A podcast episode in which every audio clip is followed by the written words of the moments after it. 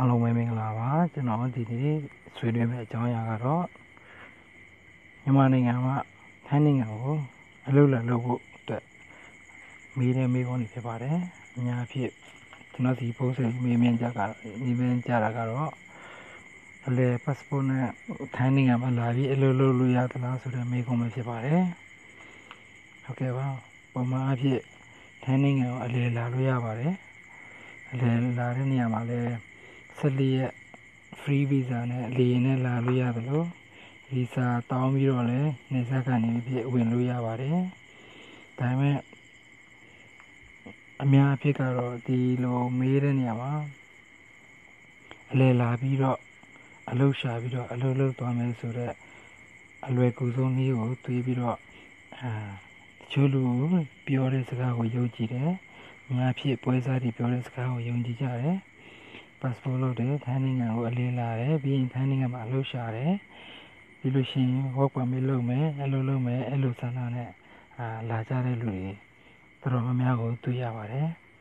ဒါပေမဲ့ဒါကမှားယွင်းတဲ့အယူဆနဲ့မှားယွင်းတဲ့အသွေးခေါ်ဖြစ်ပါတယ်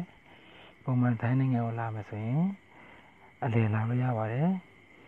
စီးလာကူလို့ရပါတယ်တခြားပညာသင်တဲ့ အထွေထွေကိစ္စတွေလာလို့ရပါတယ်ဒါပေမဲ့အလုပ်လာလုပ်လို့မရပါဘူးအလုပ်လာလုပ်ဖို့အတွက်ထိုင်းနိုင်ငံနဲ့မြန်မာနိုင်ငံတရားဝင်သဘောတူထားတဲ့ MOU စနစ်နဲ့ပဲအလုပ်လာလုပ်ကြတာများပါတယ်အဆင့်မြင့်အထူးအစီအစဉ်နဲ့အလုပ်လာလုပ်ကြတဲ့ဆရာဝန်တွေအင်ဂျင်နီယာတွေနဲ့အခြားကျွမ်းကျင်သူလုပ်သားကလွယ်လို့ရှိရင်ဒါအခြေခံ အလုပ်သမားတွေကတော့ MOU နဲ့ပဲလာကြတာများပါတယ် MOU ဆိုတာကမြန်မာနိုင်ငံမှာရှိတဲ့အလုပ်ကိုင်ရှာဖွေရေး agency ကနေပြီးတော့ဆက်သွယ်လုပ်ပြီးတော့အာကုန်ကြစရာကုန်ကြသလောက်ကိုပေးပြီးတော့ PGA passport အလုပ်လည်းလုပ်တဲ့ passport ကိုလုပ်ပြီးတော့အာဒီကျွန်တော်တို့မြန်မာနိုင်ငံအလုပ်ရှာဖွေရေးအလုပ်ကိုင်ရှာဖွေရေး agency နိုင်ငံခြားအလုပ်ကိုင်ရှာဖွေရေး agency မှာတွားရောက်လျှောက်ထားနိုင်ပါတယ်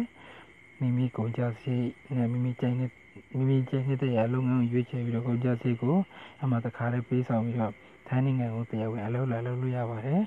။ထိုင်းနိုင်ငံကိုအဲ့လိုတရားဝင်အလုပ်လာလုပ်တဲ့ခါကျလို့ရှိရင်ကျွန်တော်တို့နှစ်နှစ်တက်တန်းနှစ်နှစ်အလုပ်လုပ်ကင်နေထိုင်ခွင့်ရှိပါတယ်။ပြီးလို့ရှိရင်ထိုင်းနိုင်ငံကပြီးထားတဲ့အလုပ်သမားဥပဒေနဲ့အညီအပြည့်အဝခံစားရမှာဖြစ်ပါတယ်။ အကယ်၍ထိုင်းနိုင်ငံကိုအလေလာတဲ့ passport နဲ့လာပြီးအလုပ်လိုက်ရှာမယ်အလုပ်ရသွားသည်ရှိတော့စာရေးစတန်းကအမှားယွင်းနေပါတယ်တရားဝင်မဖြစ်ပါဘူးဒါကြောင့်အလုပ်ရှင်ကကိုကိုခွင့်ရေးတွေ